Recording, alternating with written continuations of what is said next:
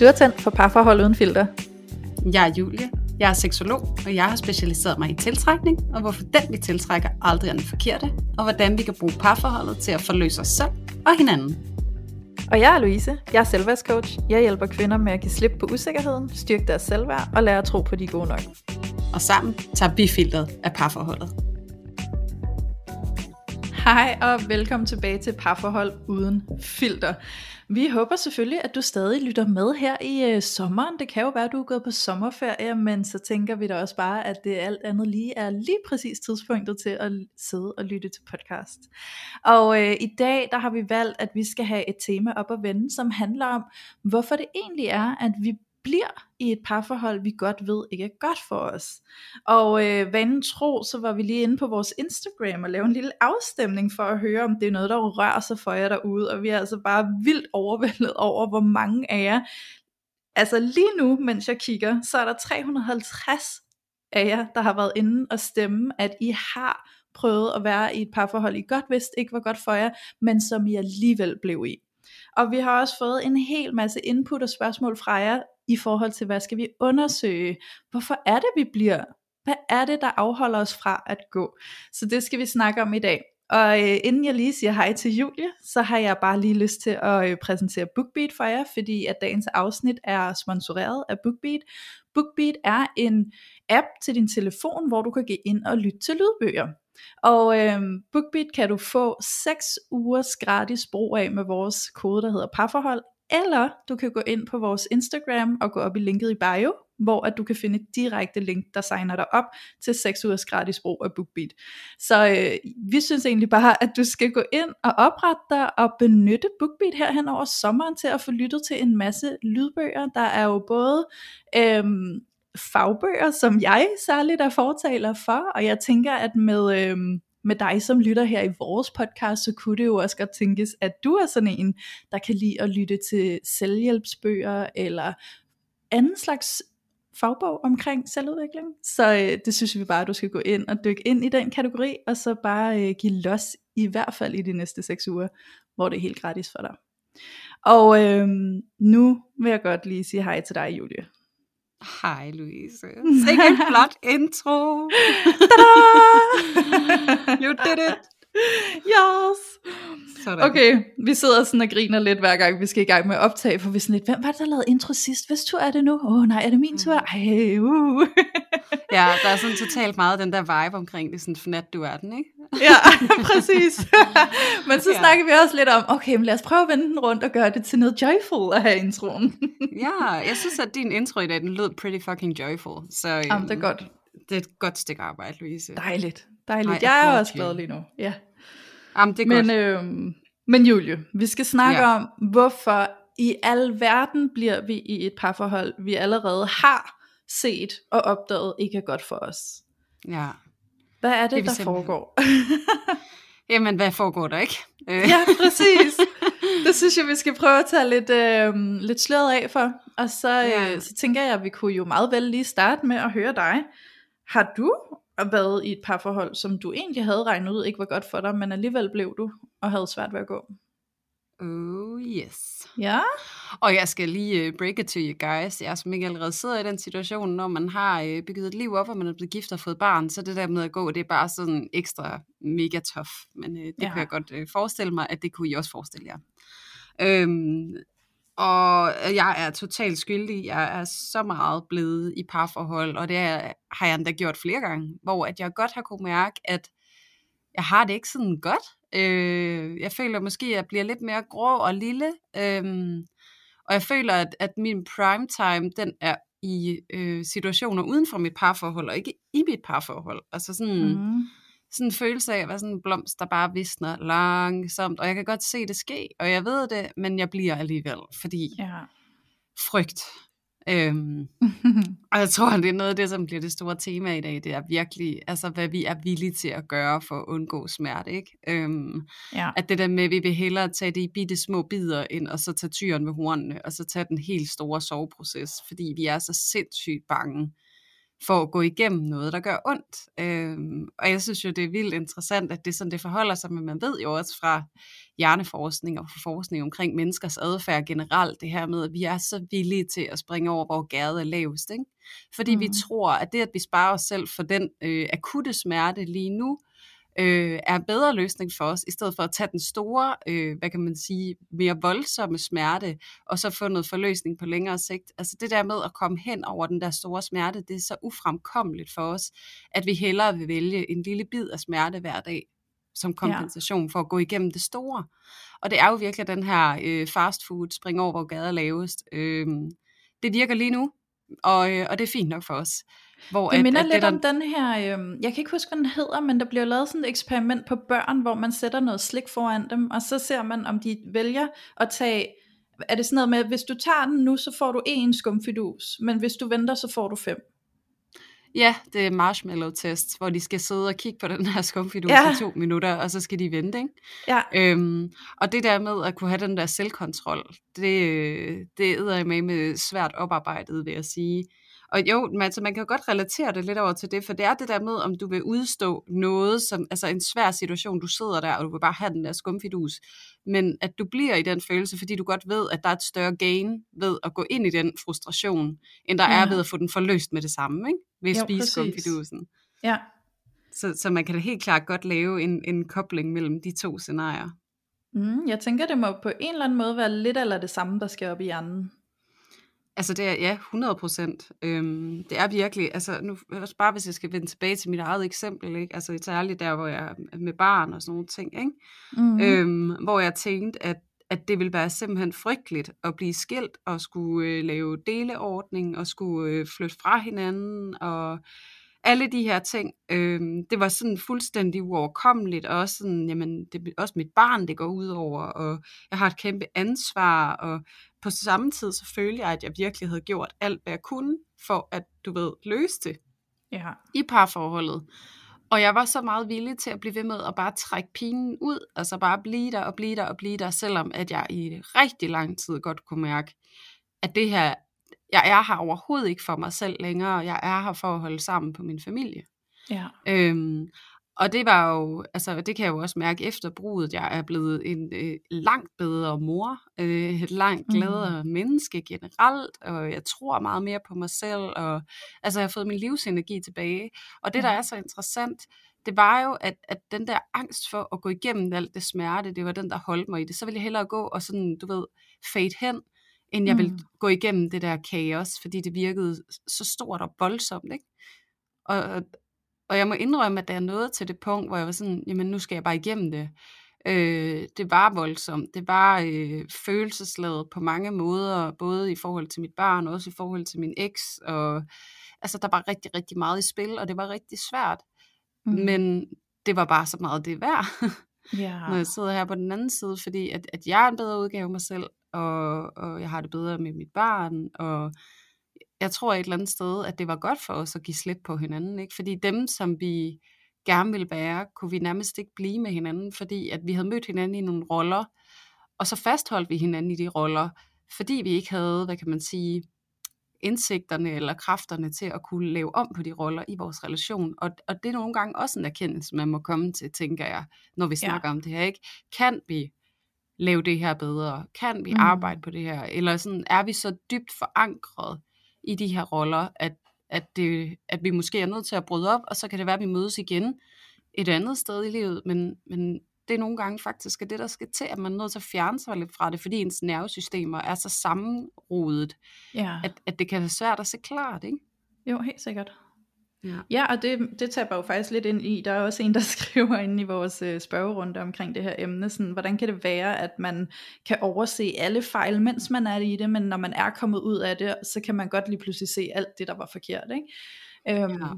Så det er jo netop det der med, når man er så dybt inde i det, og man har brug for at komme på afstand, før man kan se klart på en måde. Ikke? Øhm, og så synes jeg også, det er interessant, det du siger med det der med at komme ud på den anden side, fordi det er jo tit det, der er svært, det er at tage det der spring, fordi at det er den der uvidshed, sådan, jeg ved ikke, hvad der venter på den anden side af det her spring, jeg tager. Øhm, mm. Så jeg, jeg er lidt bange for, hvad der står og venter på mig. Altså er det bedre, eller er det værre, eller hvad kommer der til at ske? Og, sådan, og den uvidshed, den kan virkelig være enormt smertefuld, og den kan virkelig fremkalde frygt, og sætte os i baglås i virkeligheden. Ikke? Øhm, og, og jeg ved i hvert fald fra mig selv, og fra mange andre, jeg snakker med, så kan jeg jo fornemme, at der er også denne her tendens til gerne at vil på forhånd kunne regne ud, hvad skal der så ske bagefter, så hvis ikke det her, hvad så? Øhm. Og det, altså, det kan virkelig holde os tilbage og forhindre os i at tage det valg, og, sådan, og, og forlade det, der ikke er godt for os, fordi i meget sjældne tilfælde, så kan du se, hvad der skal ske bagefter. Det skal du, det skal du bare opleve, når først du er derhen. Så du skal ture og sætte tillid til at tage springet, velvidende om, det er det, jeg har brug for, og så har jeg tillid til, at tingene former sig derefter. Præcis, fordi det ja. er jo den der tryghed, og vi har jo sådan en tilbøjelighed til, at, at vi igen vi vil undgå smerte for alt ja. i verden. Det er sådan angst for smerten, ikke? Jo. Og så er der nogen af os, der bygger et eller andet op, som vi kan, altså så skal der være tanken om et nyt forhold, eller et eller andet alternativ, mm. før at vi egentlig kan tage det valg, som egentlig vil være det gode valg for os. Det, som vi allerede har indset, kan vi ikke handle på. Ja. Fordi at vi, vi afventer den her, øh, det her alternativ, som vi så skal mm. læne os ind i, ikke? Jo, helt og, sikkert. Øhm, og det er jo det, der er helt vildt interessant, ikke? at man ligesom bliver ved med at, at omgås med virkeligheden på en eller anden måde, mens man går og venter på det der alternativ. Og det er jo også noget af det, som jeg ser også i starten af en relation og i starten af et forhold, og det her er måske særligt vigtigt for jer singler, der sidder derude og lytter med. Inden I begynder at involvere jer og gå ind i et forhold, så sørg for at sikre jer, at I har gode relationer omkring jer. Mm. At I har et godt og stabilt netværk af mennesker, som I elsker og har tillid til Øh, måske at I, I knytter jer tæt med jeres familie eller sådan noget, fordi at det er noget af det, jeg ser, der kan være forskellen fra nogen, som går ud af et brud, det er, at de rent faktisk har noget, de kan læne sig ind i, som ikke er et nyt forhold, men som ja. er nogle dybt forankrede, øh, trygge, gode relationer, og så kan det ligesom udgøre trygheden, fordi vi mennesker, vi har brug for tryghed. Mm. Så det er også fuldstændig legit, at det er derfor, vi bliver i forholdet. Det er fordi, vi ikke er villige ja. til at give afkald på tryghed. Og det er jo ja. det mest naturlige i hele verden. Men, men når folk bliver kærester i dag, så er der sådan en tilbøjelighed til, at man bare bliver fuldstændig opslugt af hinanden, og man glemmer at, at se sine venner, og man glemmer at dyrke sin, sin familiebånd, og fordi man bliver simpelthen så optaget og opslugt af det her nye og spændende i ens liv. Og det mm. er bare fuldt forståeligt, og det gør de fleste af os. Men du kan virkelig gøre dig selv en kæmpe tjeneste, og så vedblive med at pleje dine relationer, og bevare de her trygge forbindelser med de mennesker, du har omkring dig. Fordi ja. hvis nu, at det skulle være sådan, at I mærker, at det ikke skal være to mere, så vil det skridt også være nemmere at tage for dig, at du kan mm. komme ud af det, fordi du har noget andet trygt, som du kan læne dig ind i. Ja. Og også til jer, der sidder i et forhold, hvor I måske allerede nu kan mærke den her, jeg bliver her sgu af de forkerte årsager. Jamen, noget af det, du kan begynde at gøre, det er faktisk at skabe nogle mere sådan dybe forbindelser til de andre mennesker i dit liv, og så mm. opbygge en tryghed i de relationer, og så kan du måske også bedre mærke, jamen, hvad er så rigtigt at gøre. Ja. Skal jeg så gå, eller skal jeg blive? Var det egentlig, fordi jeg havde lagt for meget tryghed over i min relation til min partner, og jeg kan egentlig have det bedre med ham eller hende, nu hvor jeg har lagt den tryghed lidt over i nogle andre relationer. Mm. Øhm, så det er også nærmest sådan en, en, en konstruktiv fordeling af, af din tryghed i dit liv, som nogle gange kan være med til at give noget opklaring i forhold ja. til, hvad er det, jeg skal gøre, hvordan er det, jeg skal handle. Så ja. altså virkelig, vi skal øve os på ikke at fortabe os i de her forhold, og gå i de her symbiotiske forhold, som vi også har snakket om. Fordi så bliver de der ryg bare så meget sværere. Og det var mm. også noget af det, der, der ligesom gjorde det svært for mig, fordi at, at jeg, havde, jeg har altid haft en håndfuld tætte veninder, øhm, og jeg kan også se, at det er noget af det, der har hjulpet mig rigtig meget med at klare det her brud. Men tilsvarende så har jeg haft nogle sådan vaklende familierelationer kvæg øh, hele min historie, så mange af jer jo godt kender allerede. Og det gjorde jo virkelig, at jeg skulle være meget bevidst omkring, at jeg skulle opbygge trygge, nære relationer til andre i mit netværk, og jeg kunne mærke, at det, at jeg gjorde det, det gjorde også, at det her brud, det var meget nemmere for mig at stå i. Så også kontra andre brud, hvor at jeg har måske siddet med samme oplevelse af, at det ikke var godt, og, og der har brudet så føles endnu sværere. Ikke? Så, så det kan virkelig gøre en graverende forskel, når vi, vi begynder at involvere os dybt og trygt med andre mennesker uden for forholdet. Så kan vi altså hurtigt blive meget klarere. Ja, jeg sidder og tænker, at det jo i virkeligheden er begrebet om at lægge alle sine æg i en kurv, du, be, du betegner her, ikke? Øhm, præcis. Og præcis Der er jo den her mega fine animationsfilm, som er ved at være en del år gammel. Øhm, jeg kan desværre ikke huske, hvad den hedder. øhm, jeg ved ikke, om du måske ved, hvad for en film jeg snakker om, Julie, hvor det er en øh, animationsfilm lavet egentlig til børn, men den har bare det fedeste budskab om ikke at lægge alle sine æg i en kurv.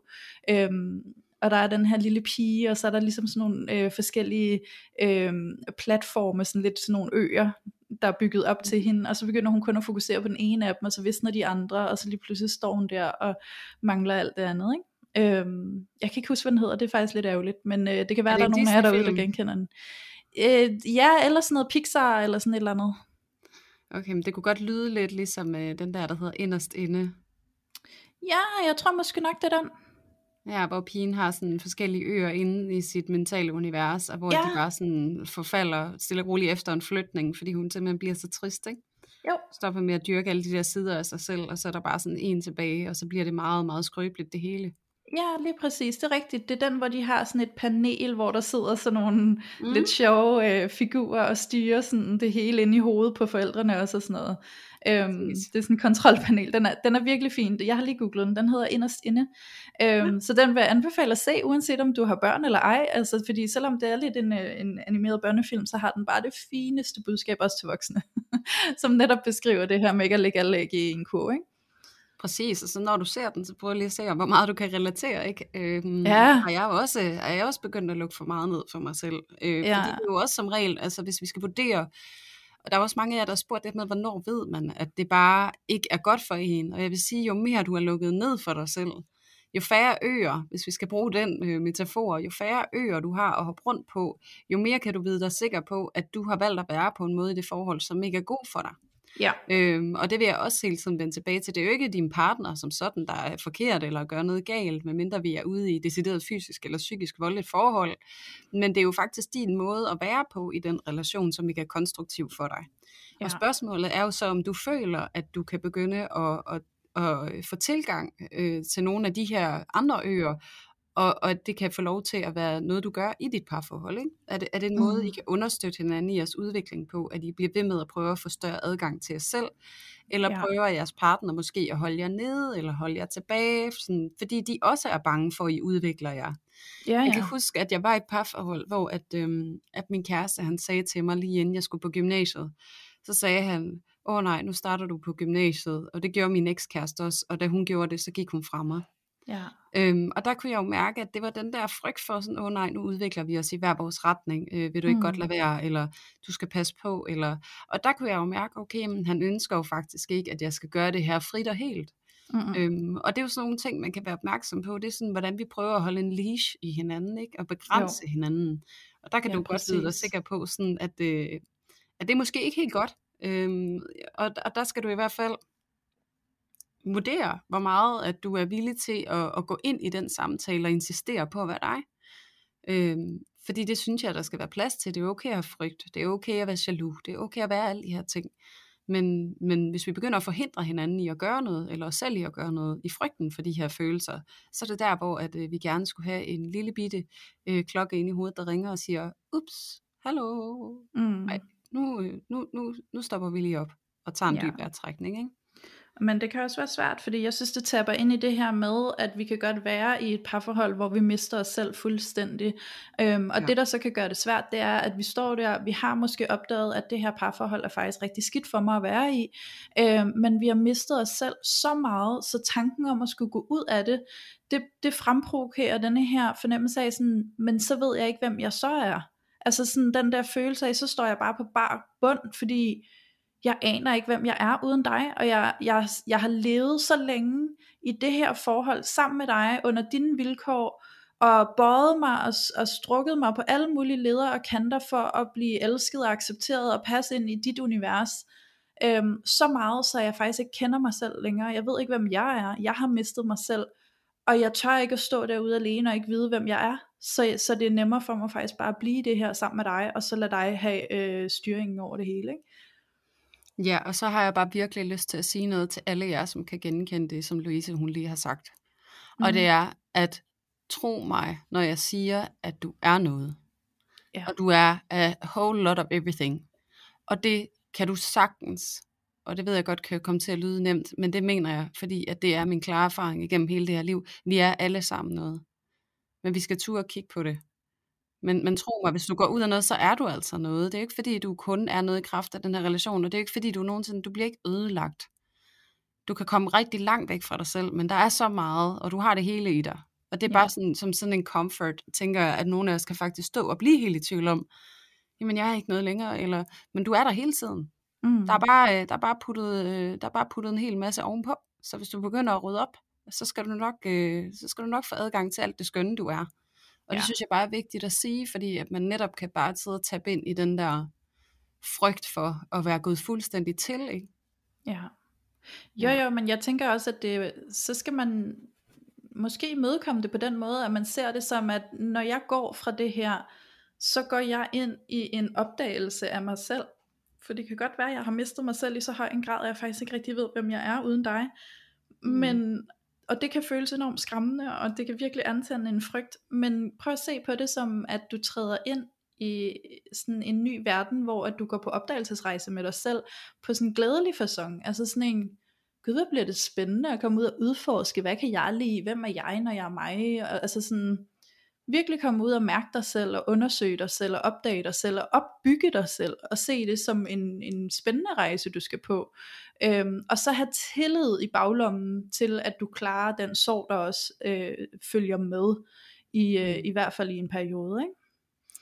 Ja, præcis. Og jeg tror, det er det, som, altså sådan, man kan jo sagtens, altså nu er der jo lavet rigtig meget forskning i sorg, og også hjertesorg, og du kan jo sådan broken heart disease, altså sådan, man kan faktisk blive fysisk syg af det, ikke?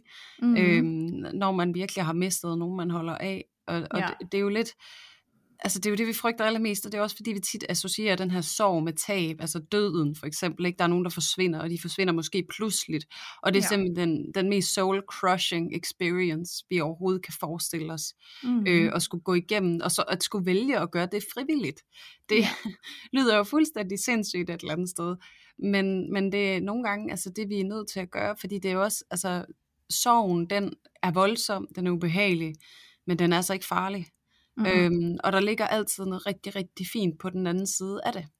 Ja. Så, øh, så I kan altså godt, øh, hvis I sidder derude og synes lige præcis det her med, at I bliver i et dårligt forhold, at det der er temaet for jer, så vil jeg bare i hvert fald opfordre til, at, at hvis det er sorgen, I, det er fordi I vil undgå sorgen, at I bliver der, så vil jeg sige, så, så, så dare, I dare you, altså sådan, fordi der er virkelig noget rigtig fint på den anden side. Ja, det er der. Ja, og nogle gange så skal vi bare nå det punkt, hvor nu er det tid til bare at rive plasteret af. Ikke?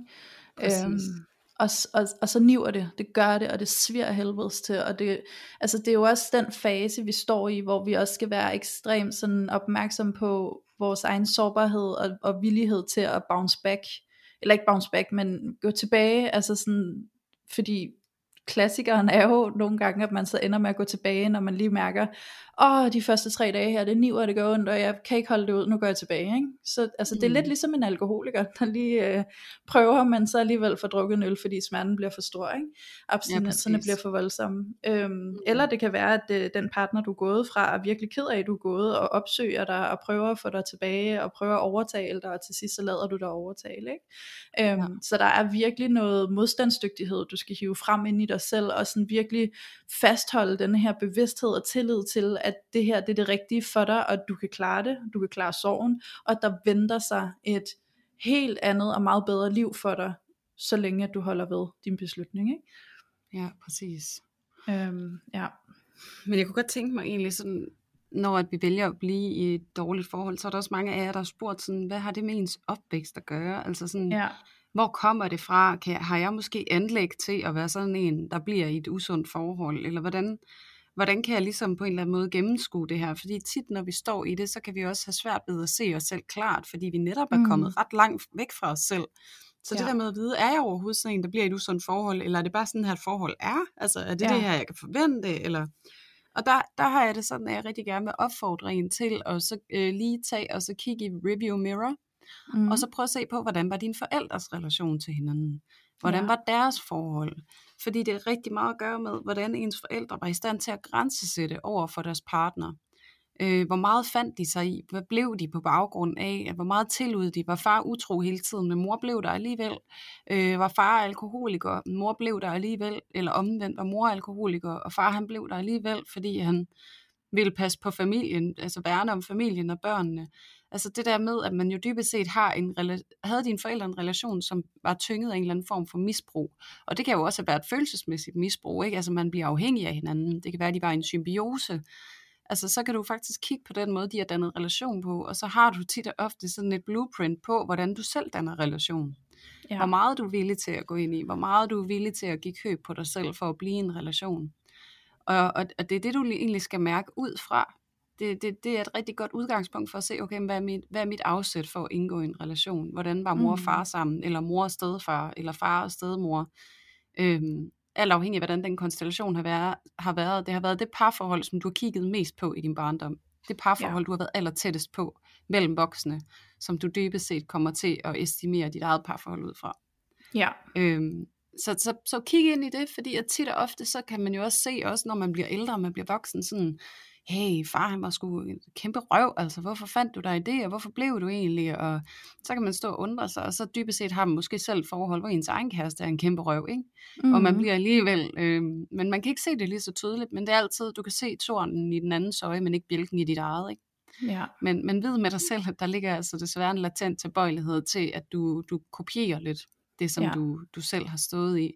Så, så det synes jeg i hvert fald er, øh, er det primære markør i forhold til at forstå, hvor det kommer fra.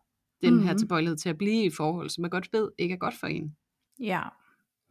Og jeg får lyst til sådan at tale ind i sådan lidt det samme, lige, blive lidt i det samme spor her. Øhm, sådan mm-hmm. det der miljø og sociale arv og sådan nogle ting. Fordi øh, jeg ser også, at der sker det, at vi har en opvækst, Øhm, og kvæg vores opvækst og hvordan den påvirker os, så danner vi jo også relationer ude for hjemmet, som minder om eller passer ind i den kontekst. Øhm, og det kan jo betyde, at lige pludselig så den verden, vi ser, det er kun den verden. Giver det mening? Så lad os sige, mm. at, øh, at vi, vi har en opvækst i et hjem med nogle forældre, hvor at der måske er noget dysfunktionelt til stede. Det kan være, at der er noget misbrug eller et eller andet. Ikke? Øhm, du går i skole, du minkler måske med dem, du føler, du spejler i eller matcher med, og det er måske nogen, der også har det svært, og nogen, der også har lidt den samme familiedynamik. Øhm, og sådan tager det så afsted hen i løbet af dit liv, at du sådan former din verden ud for det, du kender, fordi det er det, der er trygt.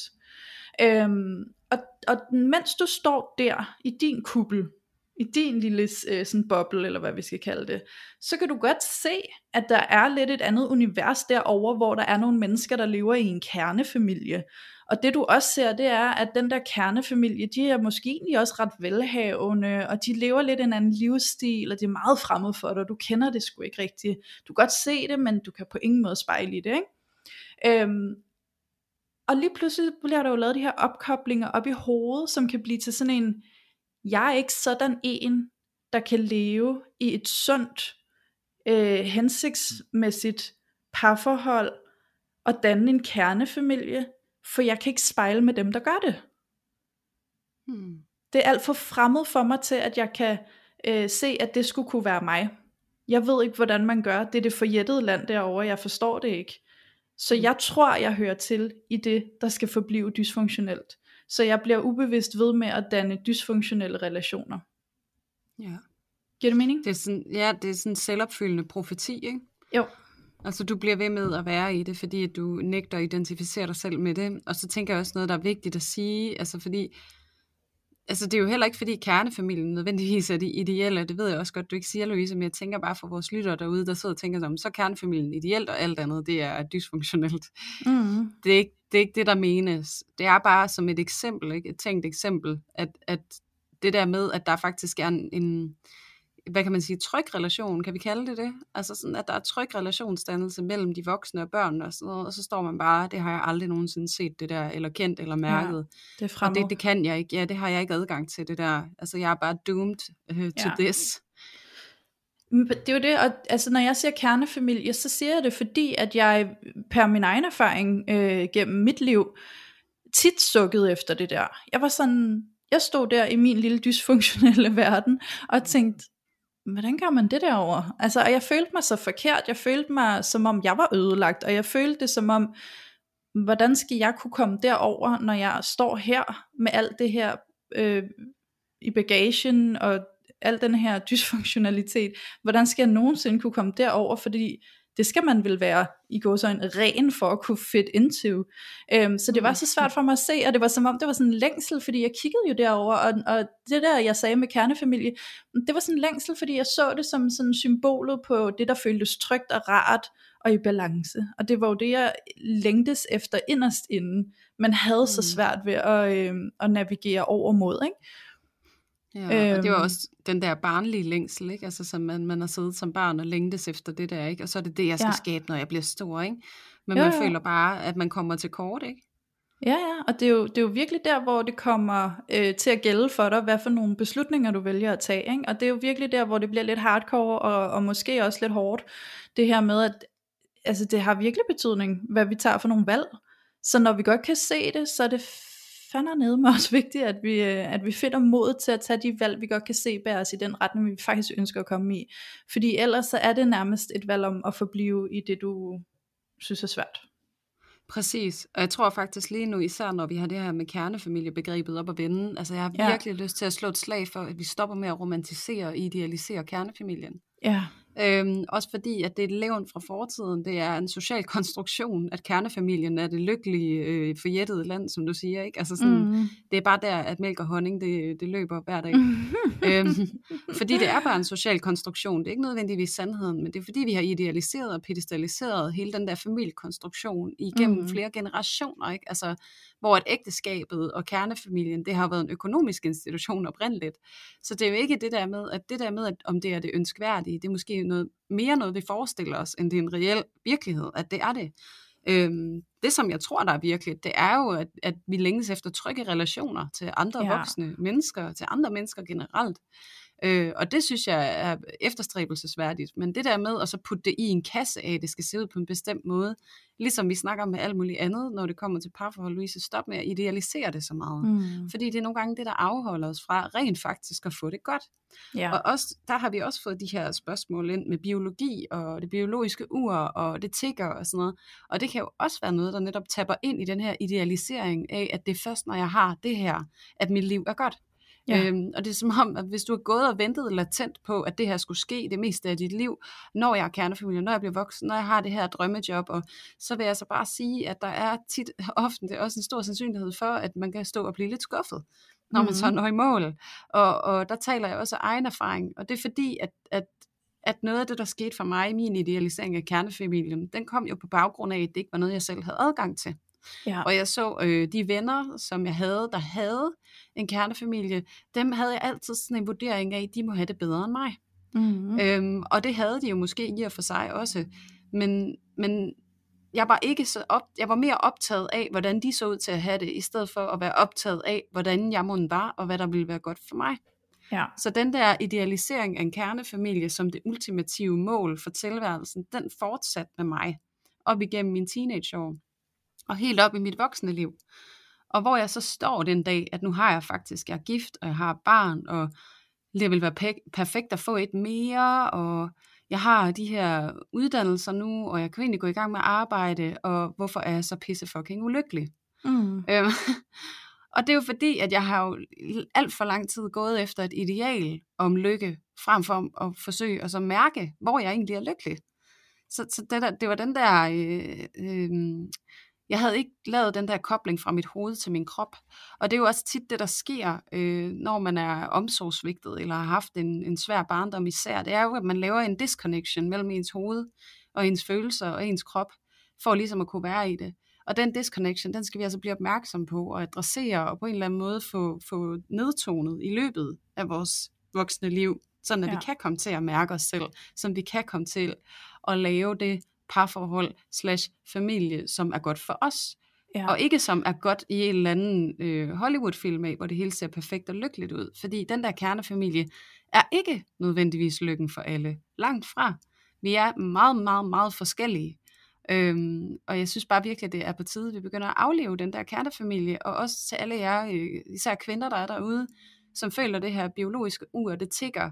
Øhm, prøv lige at klappe hesten en gang, fordi at øh, det kan være, at du egentlig er et sted, hvor du lige skal mærke efter, om det overhovedet er, er noget, du virkelig, virkelig længes efter, eller om du er villig til, at det kan se ud på en anden måde. Hvad er det, der driver dig? Er det idealet, eller er det, er det din egen grundfølelse? Og det kan altså være svært at skælne, men jeg tror, at det er rigtig vigtigt at skælne og mærke rigtig godt efter, hvorfor man gør det. Øh, det gjorde jeg ikke selv, og, øh, og, men det har jeg jo så gjort senere hen, og, og heldigvis kommet ind på et rigtig fint spor nu, synes jeg. Øhm, men ja, man kan sgu komme langt ud. Jeg tror, det er det, jeg gerne vil sige. Altså, jo mindre du er villig til at mærke efter, jo mere du er villig til at blive, fordi du har et eller andet ideal, som du er på vej hen imod. Og du har så lyst til at ignorere alt, hvad du mærker undervejs. Øh, jo mere vil jeg altså invitere dig til at stoppe op og lige mærke efter. Jeg synes, det er interessant at definere kernefamilie ud fra alt det, du lige har sagt. Øhm, fordi ja. jeg, jeg ser vores enagramtyper kommer i spil, fordi jeg kan høre, at vi, vi har meget forskellige definitioner af en kernefamilie. Og det her synes jeg skal være en invitation til alle jer, der lytter med i. Prøv lige at mærke efter, hvis I selv bruger begrebet kernefamilie. Hvad er det i virkeligheden, I mener med det? Hvad er det for nogle mm. værdier, I tager i spil, når I nævner en kernefamilie, hvis det er det, I føler, I længes efter? Øhm, fordi jeg kan høre, Julia, at når du taler kernefamilie, så, så, bliver, så taler du meget ind i det her sådan ydre billede, og de her sådan ydre rammer af, hvad en kernefamilie er. Og, og altså det, at det bliver sådan et billede af nærmest sådan en, der er en far og en mor, og så er der måske to børn, og så har vi den her konstellation med et hus og en bil og et job, og så kører det, ikke? Øhm, og det er sjovt, fordi jeg tænker, med din enagramtype, som er type 3, så er der jo den her enorme sådan imagebevidsthed mm. som jeg føler går ind i, hvordan din definition af kernefamilie den er, øh, sådan som du lige beskriver det her, mens du øh, fortalte lige før, ikke? Og øh, jeg kan mærke, at det er på ingen måde det, jeg er i kontakt med, når jeg tænker kernefamilie. Og derfor har jeg lyst til at påtale det, fordi at jeg tænker, at det kan give noget til vores lyttere, og mærke ind i, hvad er egentlig jeres egen øh, fornemmelse og definition, når I siger kernefamilie. Øh, hvis det nu engang er det, I spejder lidt efter. Fordi for mig, så handler det overhovedet ikke om sådan, at nu skal vi være far, mor og to børn, og så skal vi ligesom have hele det der samfundsmæssige setup, der hedder hus og bil og god karriere. Øhm, det er faktisk overhovedet ikke det, jeg mener, når jeg siger kernefamilie. Når jeg siger kernefamilie, så snakker jeg om de indre følelser, som, hvor jeg definerer det som betydende, der, der er den der øh, tryghed i følelserne, vi har denne her måde at kunne kommunikere konstruktivt med hinanden, vi har en varm, solid, tillidsfuld kerne, vi har en dynamik med hinanden, hvor vi støtter hinanden, hvor vi lytter til hinanden, hvor vi kan håndtere de udfordringer, vi står overfor på en konstruktiv måde. Øhm, og det er, sådan, det, det er det, jeg taler om, når jeg siger kernefamilie, så det var egentlig bare ret sjovt lige pludselig at se, fordi da du startede med at, at snakke om at, at pille det der kernefamilie ned, så var jeg sådan, hov, hvad sker der nu? Og da du så begyndte at fortælle, så kan jeg sige, ah, det er fordi du putter noget helt andet ind i kernefamilien, jeg gør. Det er derfor, at du siger det her nu. Øhm, og det synes jeg egentlig er ret interessant at se på, hvor forskelligt vi måske putter værdier ind i det koncept. Ja, men helt sikkert. Helt sikkert, og der er meget forskellige værdiladninger af det, men jeg, tror, jeg tør næsten at skal drage den konklusion, at det måske også er fordi, du i i lang tid, øh, mm, altså du slår mig, Louise, som en person, der reflekterer rigtig meget over tingene, og egentlig forholder ja. dig sådan meget til, hvad, hvem du er, hvad du gerne vil, og hvad, hvad, hvad tingene er for dig. Ja. Og der tror jeg så bare, at der er en rigtig stor del af os, som altså er mere tilbøjelige til at spejle os ud i verden, øh, på sådan lidt mere en ukritisk måde måske. Ja. Hvor vi kan se, øh, om vi kigger på familien Fisker, eller vi kigger på øh, Gekko og hendes kæreste, eller på Irina og Morten, eller generelt ja. Instagram. Altså vi sidder og kigger ind i alt det her, hvor bare sådan, ej, hvor er det, ser det bare vidunderligt ud, og ej, ja. se, hvor de hygger sig, og det er sådan et liv, jeg gerne vil have, det er sådan, det skal være. Og, og en ting er, at det resonerer med os, så der kan jo godt være en ægte følelse i det, noget vi gerne vil, men, men den kan også godt nogle gange altså, blive meget tænkt, øh, den der ja. måde, vi resonerer på, og det er der, hvor det er vigtigt, at vi også kommer til at mærke rigtig godt efter, ja. hvad det egentlig er, vi gerne vil, fordi at man kan bare køre rigtig, rigtig langt ud af den der dreamboat, øh, og ikke få orienteret sig indad. Og ja. så er det der, hvor man lige pludselig mærker, hvorfor fanden er jeg i det her forhold? Hvorfor bliver jeg i det her forhold? Nå, men det er også fordi, jeg er blevet øh, 33, og det skal til at være, og altså sådan, hvor vi virkelig øh, er villige til at sælge rigtig meget ud af ja, ja. selv. Ja. Og, og hvis man er et menneske, som er okay med, og, og så give afkald på nogle ting for at få noget andet, så det er jo også okay. Ja. Øh, men hvis det er, at du kan mærke en dyb smerte, eller du sådan er ved at gå i forfald, eller, så er det jo virkelig vigtigt lige at stoppe op og mærke efter, jamen, ud fra hvilket parameter har jeg målt, at det er den her retning, jeg skal. Ja, jamen helt sikkert. Og det skal man gøre sig nogle tanker om. Og det er også, jeg tror, det er det, jeg gerne vil med at sige det her. Altså sådan virkelig sætte dig ned og få øje på, hvad det er for nogle værdier, der er vigtige for dig, der skal være en del af, af den konstellation, du gerne vil leve i. Ikke? Øhm, og her har jeg altså bare lige hele den her kernefamiliesnak, Julie, og alt det der, du taber ind i nu. Mm. Øhm, så har jeg bare lyst til lige at øh, påtale en anden film. øhm, det, det er også en, øh, en, en ved at være gammel film øh, fra 2009, der hedder The Jonases. Øhm, der er jo det her begreb, der hedder Keeping Up with the Jonases. Og uh, The Jonases, det er sådan et, øh, hvad kan man sige, synonym, synonym for en kernefamilie, og det er faktisk bare ret interessant at se, hvordan at det bliver brugt som sådan en markedsføringsstrategi, øhm, og det er faktisk det, vi ser på Instagram, der sker nu øhm, med influenceren, det er egentlig, at vi statuerer det perfekte øh, billede, øh, det perfekte, altså i gåsøjne perfekt, ikke? ideal, og det er det, der sker med den her familien Jonas' i filmen, det er, at de bliver sat ind i sådan et øh, suburb øh, community i USA et eller andet sted, og skal øh, ligne den perfekte familie, men i virkeligheden er det bare sådan nogle skuespillere, der er blevet sat sammen. Og så ender det med, at alle naboerne vil købe de samme ting, som de har, fordi de ser så lykkelige ud. Men det er bare mm. et setup, og det er bare skuespil, og det er jo også det, vi skal huske, når vi sidder på Instagram, og vi kigger, folk viser det frem, de har lyst til at vise frem, de viser den side af det hele, som sandsynligvis ser meget mere finpudset ud, end hvad det måske er bag kulissen, så er der jo heldigvis dem indimellem, der også viser øh, noget af det sådan lidt mere autentiske og ægte frem, som er lidt mere rodet og realistisk, men mange gange så ser vi jo kun den finpudsede kulisse, øhm, og så er det, vi begynder at jage det, men vi jager noget, der faktisk ikke øh, eksisterer. Ja. Og det synes jeg faktisk bare, den der film, The Jonases, den, altså spot on viser den bare lige, hvad det er for en koncept, og hvor vigtigt det er, at vi lige husker, at der er også et realistisk liv, der ser helt anderledes ud, end det vi tror er perfekt. Præcis. Et følt ja. liv. Ja. Jeg tror egentlig, at det er det der med, at, at, at vi kan finde ud af, øh, om vi er i et forhold af, af de, hvad kan man sige, i anførselstegn, rigtige årsager, hvis vi mærker, at der er en forbindelse mellem vores krop og vores følelser og vores tanker. Mm. Øh, at vi kan mærke altså et, et fuldt spektrum af, af dem, vi er i et eller andet forstand. Hvis du har den kontakt, så tror jeg, at, at de altså, hvad kan man sige, udfordringer og problemer, du så måtte mærke, øh, i dit parforhold, det er noget, som I måske kan løse sammen. Men hvis du på en eller anden måde har lukket af for dig selv, ja. øh, så er det der, hvor at, at du lige skal blive opmærksom. Ikke? Fordi at det der med, at du forgår, og særligt også, hvis man vil have børn med hinanden og sådan noget, så, så prøv lige at genoverveje den situation, og jeg vil bare rigtig gerne sætte et stort, fed udråbstegn bag, at børn løser ingenting. Det er mm. ikke, når I får et barn, at I bliver lykkelige. Øh, når I får et barn, så skal jeres relation være så forbandet stærk og så solid, at I kan gå igennem det der med at være øh, i søvnunderskud, og, øh, og hele tiden skulle være på og tilgængelig, og måske et år eller mere uden øh, sex eller kærestetid som sådan. Øhm, det, er det, det er det, jeres relation skal være bygget op til at kunne håndtere, hvis I skal have et barn. Ja. Og, og det er jo desværre sådan, at man kan se, at inden for de første tre år, så er de fleste øh, førstegangsfødende, øh, førstegangsfamilier, de splitter jo op, fordi at de netop øh, måske er gået lidt ind i det med sådan en, hvis vi får et barn, eller det skal vi have, eller et biologisk ur tækker, så nu må jeg skulle tage ham her, fordi det, det er der, jeg er, ikke? Altså, mm. øhm, så, så, så det er på en eller anden måde også et selvmål, hvis det var den der kernefamilie, man et eller andet sted gik og, og tilstræbte, at man skulle have. Ja. Så, så det, det kan altså virkelig betale sig, at turde følge ind, følge ind i, hvorfor du bliver i det her dårlige forhold. Og så vil jeg også sige, at der jo også er noget tilknytningsrelateret øh, til det, og det synes ja. jeg jo også er, at der vil jeg virkelig også invitere til, hvis du ikke har hørt det, og så gå tilbage og høre vores øh, afsnit om øh, tilknytning og øh, symbioseforhold. Fordi der er der jo virkelig den her tilbøjelighed til at blive noget, selvom at det er utrygt, og det er jo fordi, at det er det utrygge, der er blevet det trygge.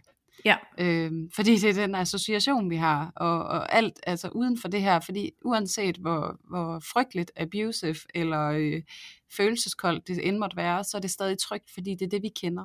Ja. Øhm, så der skal vi lige blive opmærksomme på os selv, om det måske er det, som vi reproducerer endnu en gang i den her relation. Og, og der kan man jo handle på forskellige måder. Der er også de her øh, fight, freeze, flight mekanismer, mm. øh, som kan indikere, hvordan vi reagerer på det. Sådan, flygter du konsekvent fra, fra de ting, I har i forholdet, eller fryser du bare? Du bliver der bare, fordi at, øh, at du ikke føler, at du kan handle overhovedet, eller gå i kamp med hinanden hele tiden. Det kan også være en indikation på, at der er en eller anden utryg tilknytning, som bare udspiller sig igen. Og, og det at så gå i en af de her reaktionsmønstre, man har typisk et, man tyrer til, det kan også være en indikator på, at du er i et forhold, som aktiverer rigtig, rigtig mange ting for dig. Og, ja. øh, og det er ikke nødvendigvis, at man skal sige, så skal vi ikke være sammen, men så skal man måske øh, være realistisk nok til at sige, øh, jeg er så meget i reaktion øh, i den her relation, og det skal jeg have noget hjælp til, fordi at, at det kan jeg ikke selv tage vare på. Og du reagerer jo modsat også på mig, når jeg reagerer, så det kan være, at vi skal have noget hjælp til det. Mm. Øhm, så der er rigtig mange refleksioner, jeg tænker, man skal gøre sig, hvis man er sådan en, der bliver i et dårligt forhold. Fordi at det jo også kan være, at du måske er i netop en freeze-tilstand, så du egentlig bare er frosset. Så du bliver der.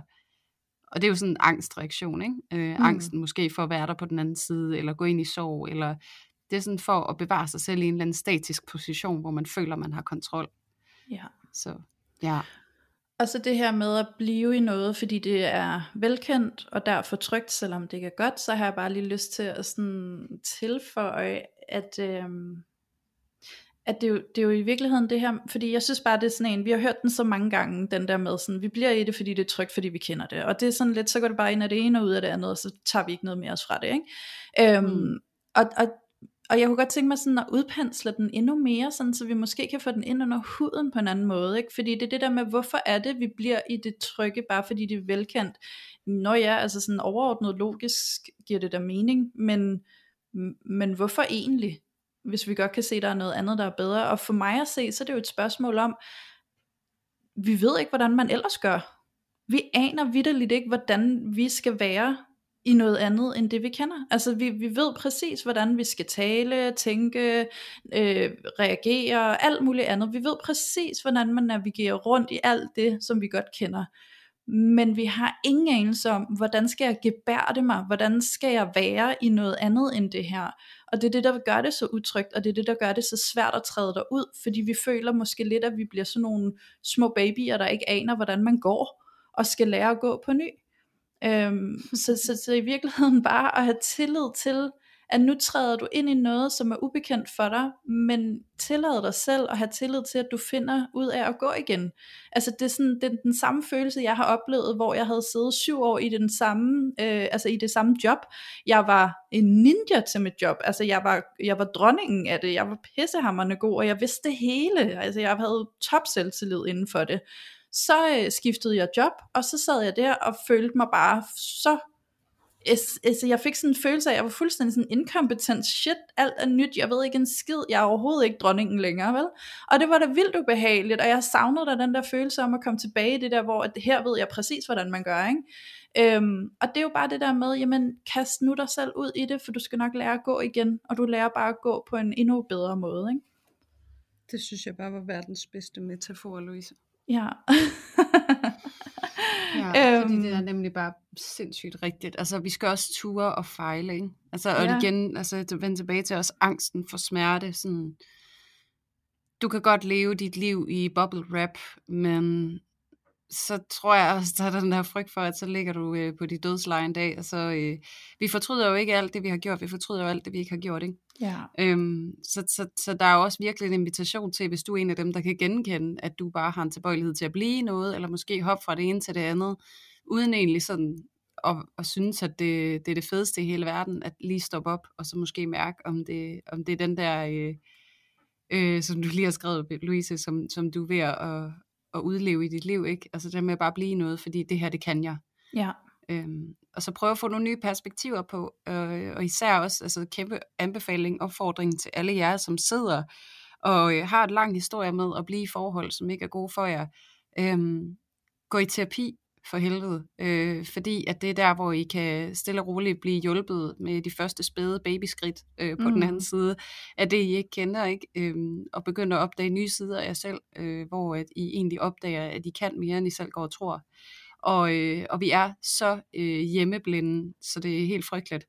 Og det er vi alle sammen, så det kan altså virkelig være værdifuldt at så få nogle nye øjne på, øh, og få noget hjælp til at finde ud af, hvad, hvad, er det, der, hvad er det, der rører sig for mig? Mm. Hvad er det, jeg skal øve mig på? Hvad er det, jeg bliver ved med at genbesøge øh, i min måde at være på? Så, så det er altså bare en kæmpe opfordring til alle jer derude, hvis I kan mærke sådan, åh, den her, ja. den krasser det helt forkerte sted, ikke? Så go do it. Jeg tænker, at det kunne være meget fint, inden vi runder af, hvis vi lige kunne nå ind, fordi der er nemlig også en, der har skrevet, at der er jo det her med, at vi ikke forelsker os i den forkerte, fordi der er et krænkende aspekt, som vi har brug for for at udvikle os. Ikke? Men kan vi bruge hinanden op, bliver der spurgt.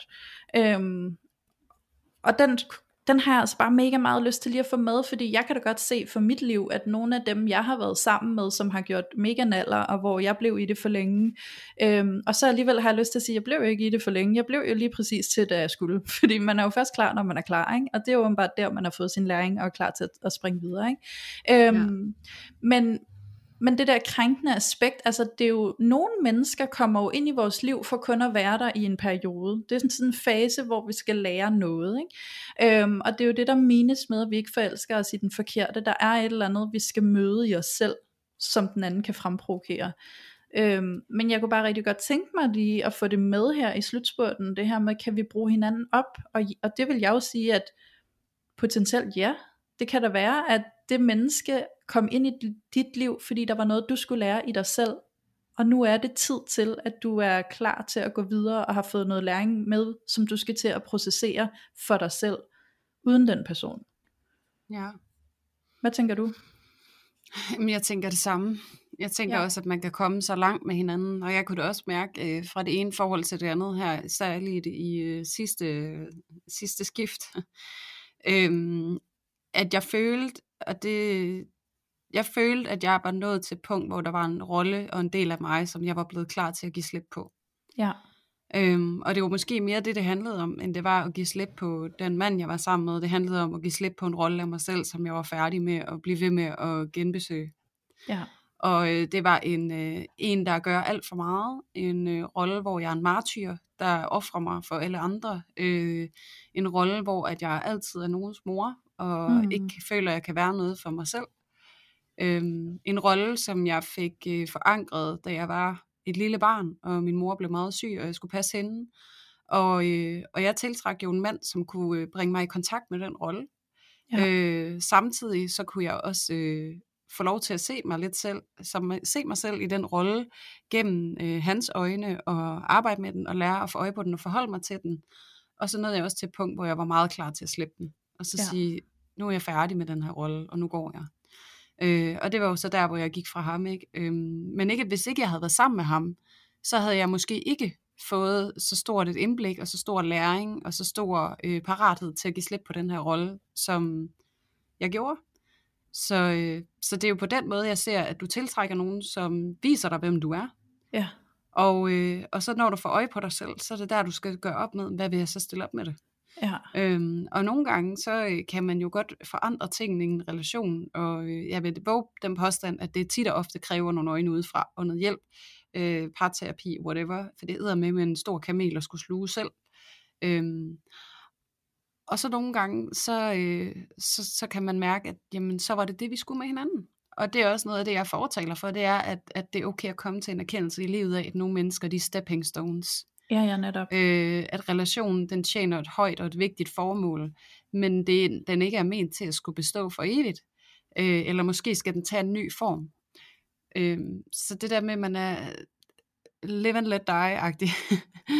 tror ja, jeg. Og, og, og så kan jeg godt lide, jeg snakker med min kæreste om, sådan, det er så kliché, men jeg kan faktisk rigtig godt lide den der, you, you live and you learn, ikke? Altså fordi det ja, er jo bare præcis. læring det hele, og, og hertil har jeg også bare øh, lyst til og øh, opfordre dig, der sidder derude og lytter med, som måske har fået nogle sår med dig i livet, øh, nogle ar med dig, øh, se det som gaver, fordi at det kan gøre rigtig ondt, hvis vi hele tiden ser det som, åh, det var også øh, noget skidteras, at jeg, skulle, øh, at jeg skulle opleve det her, og hvis bare jeg ikke havde oplevet det, så havde det hele været meget bedre, og altså sådan, vi kan virkelig godt blive et offer for de ting, vi oplever, og det kan være traumatisk, og det kan være svært, og det kan være noget, vi kunne sidde og tænke, åh, oh, kunne det ikke have været bedre, hvis det ikke var sket.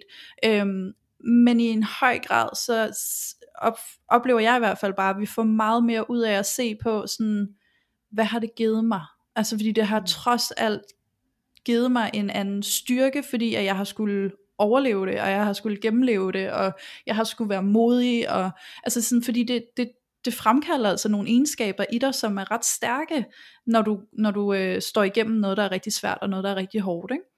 Ja. Øhm, så, så altså, der er nogle gange, hvor min kæreste han har spurgt mig, ej, vil du ikke have ønsket, at du aldrig havde været sammen med ham der ekskæresten, du var sammen med dengang, som gjorde alle de ting ved dig? Og sådan, nej, det vil jeg faktisk ikke.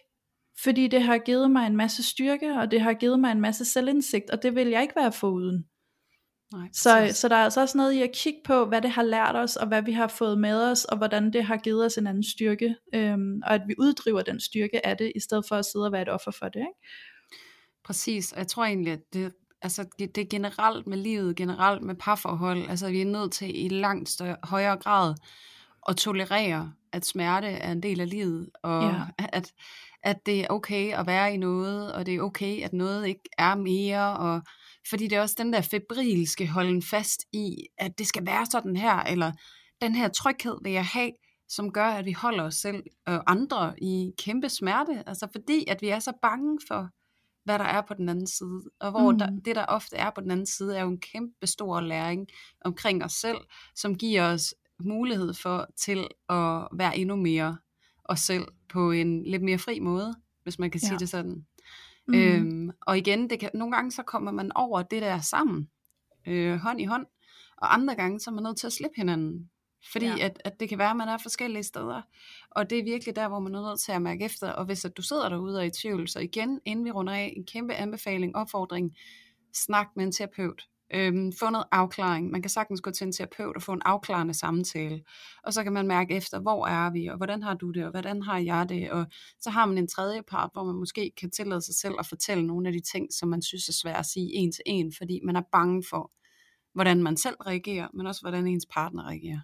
Ja. Så, så øh, i gang med opklaring. Hvis du sidder i et dårligt forhold, og du ikke kan finde ud af, hvorfor søren du bliver der, øh, det kan være, at det her afsnit har givet dig noget afklaring, men hvis du stadig står savner noget, så gå enten selv til en terapeut og få, få opklaret, hvad der egentlig sker inde i dig, mm. eller tag din partner med under armen, og så finde ud af det sammen. Ja, helt sikkert. Yes. Så jeg tænker, Julie, det er tid til, at vi runder af her. Det er så meget tid til, vi runder.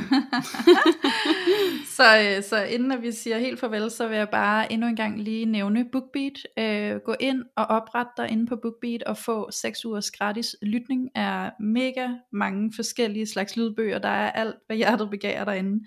Øh, nyd det her hen over sommeren. Brug det put det i dine ører, få det ud af det, du gerne vil, om det så er ny læring og selvudvikling, eller om du bare gerne vil lytte til en masse spændende krimier, eller øh, romantiske romaner, eller hvad der lige er din stil. Gå ind, fordi der er altså bare lidt af det hele.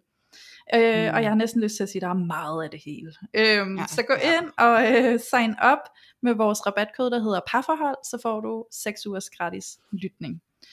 Og øh, så tænker jeg bare at sige tusind tak for i dag, Julia. Tusind tak for i dag, Louise. Og så lige en, en, øh, Ja, det har det, og det er det jo hver gang. Uh, altså. ved du hvad, Julie? Der er jo faktisk, vi har jo lavet en ændring, vi lige skal huske at sige. Ja? Vores loge, som i øvrigt du er velkommen til at komme ind og blive medlem af, øh, den ligger inde på Facebook og hedder parforhold, hashtag uden filter, bindestreg, lotion. Det er et fantastisk fællesskab, hvor der er plads til sparring og støtte i alle de dilemmaer, du oplever i dit eget parforhold. Mega kærligt fællesskab, kom ind og vær en del af det. Vi plejer at lukke nye medlemmer ind hver mandag, men vi har ændret det således, at det nu er hver tirsdag. Fordi at vi jo godt kan se, at øh, der kommer allerflest anmodninger, når at vores afsnit er kommet ud hver mandag, og folk lige har lyttet til det nye friske afsnit. Og øh, derfor så synes vi selvfølgelig, det er lidt ærgerligt, at hvis vi lukker nye medlemmer ind om formiddagen eller eftermiddagen, så er alle dem, der har anmodet om at komme ind om aftenen, de skal vente en hel uge, så nu udsætter vi det, sådan, så vi lukker ind om tirsdagen, sådan, så at alle dem, der har anmodet om mandagen, når de lige har hørt vores afsnit, de altså kommer med ind. Lige præcis. Ja. Ja, yeah, we did it for you guys. ja, vi optimerer, hvor vi kan. ja, yeah, vi gør vores ja. bedste. Ja. Og øh, Endnu en gang så vil jeg bare spørge jer, om I vil være verdens bedste lyttere endnu mere, end I allerede er i forvejen, fordi I er jo verdens bedste lyttere. Øhm, og øh, smid en anmeldelse, øh, nogle stjerner og en kommentar inde på Apple Podcast. Der er så mange, der har gjort det allerede, og det gør en forskel. Så tusind tak til alle jer, der har gjort det. Og hvis du ikke har gjort det endnu, så øh, en kæmpe bøn herfra, om, om du kunne have lyst til det, fordi du hjælper altså virkelig også med at komme ud til flere og rykke op på listerne, sådan at øh, vi kan få noget mere øh, eksponering. Og på den måde, så kan det her podcastprojekt også øh, blive meget større og sjovere for os. Så vi håber virkelig på jeres hjælp og støtte. Ja. Og øh, så var der en ting mere, jeg vil sige, Louise. Jeg tænkte, om vi måske skulle sige lidt om næste uges afsnit. Ja, for søren der. Det er nemlig sådan, at øh, ja, altså øh, der kommer til at være en lille sommerferie. Det vil ja. sige, at der kommer til at være en lille pause fra parforhold uden filter, og det skal vi nok fortælle meget mere om. Der er stadig et afsnit, der kommer igen i næste uge. Og det afsnit har vi besluttet os for, skal have et lidt andet format, end I er vant til. Der vil vi nemlig rigtig gerne invitere jer til at lære os bedre at kende. Og vi ved jo godt, at I allerede kender os rigtig godt, fordi vi deler Emma væk rigtig meget ud af os selv, og vores egne erfaringer, vores tanker og følelser og holdninger og det hele. Så øhm, jeg ved jo, at mange af jer, som jeg snakker med i ny og næ, I siger jo sådan helt, gud, hvor er det sjovt at høre din stemme i virkeligheden, og jeg føler, at jeg kender dig, og sådan, så jeg ved, at I kender os rigtig godt. Men øhm, her er altså en åbning til at lære os at kende på alle mulige andre fronter. Så øh, vi kommer til at lave en lille spørgerunde inde på Instagram, hvor I kan få lov til at stille os spørgsmål om alt mellem himmel og jord. Så det vil sige, ud over parforholdet, ud over alt, der har med parforholdet og alle vores sådan, øh, faglige kundskaber at gøre. Øhm, og det må I det selvfølgelig også gerne spørge ind til. Det Men må det er bare for at sige, at et fagligt spørgsmål er lige så legit som, hvilken smørost kan du bedst lide, ikke? Ja, præcis. Øhm. Fordi det her, det skal være et afsnit, der er sådan lidt mere sjov og spas, og egentlig hvor at vi bare sidder og hygger lidt, og så kan I spørge os om alt muligt, I har lyst til. Øhm, yes. Det bliver sjovt, Julie. Ja, jeg er også meget spændt på, hvad I, øh, hvad I byder op til. Øh, ja. Jeg er i hvert fald klar øh, på at gribe det meste, så ja. I skal ikke holde jer tilbage. Der er Nej. næsten ikke noget, der er, der er, hvad kan man sige, for kedeligt at spørge om. Jeg er klar. Nej. Det jeg bliver bare sjovt også at få nogle lidt random spørgsmål. Det synes jeg bare er mega fedt. Ja, og det må jo ja. være alt. Igen, alt, alt, alt, alt. alt. Ja, ja. I, I skyder bare løs. Ja. Og så tager vi så mange, vi kan nå. ja, præcis. Skide godt. Ja. Ja, jamen så er det nu. Det er nu, vi siger tak for i dag, Louise. Ja, tak for i dag, Julia. og tusind tak til alle jer fantastiske lyttere, fordi at I endnu engang har været med til at tage filteret af parforholdet.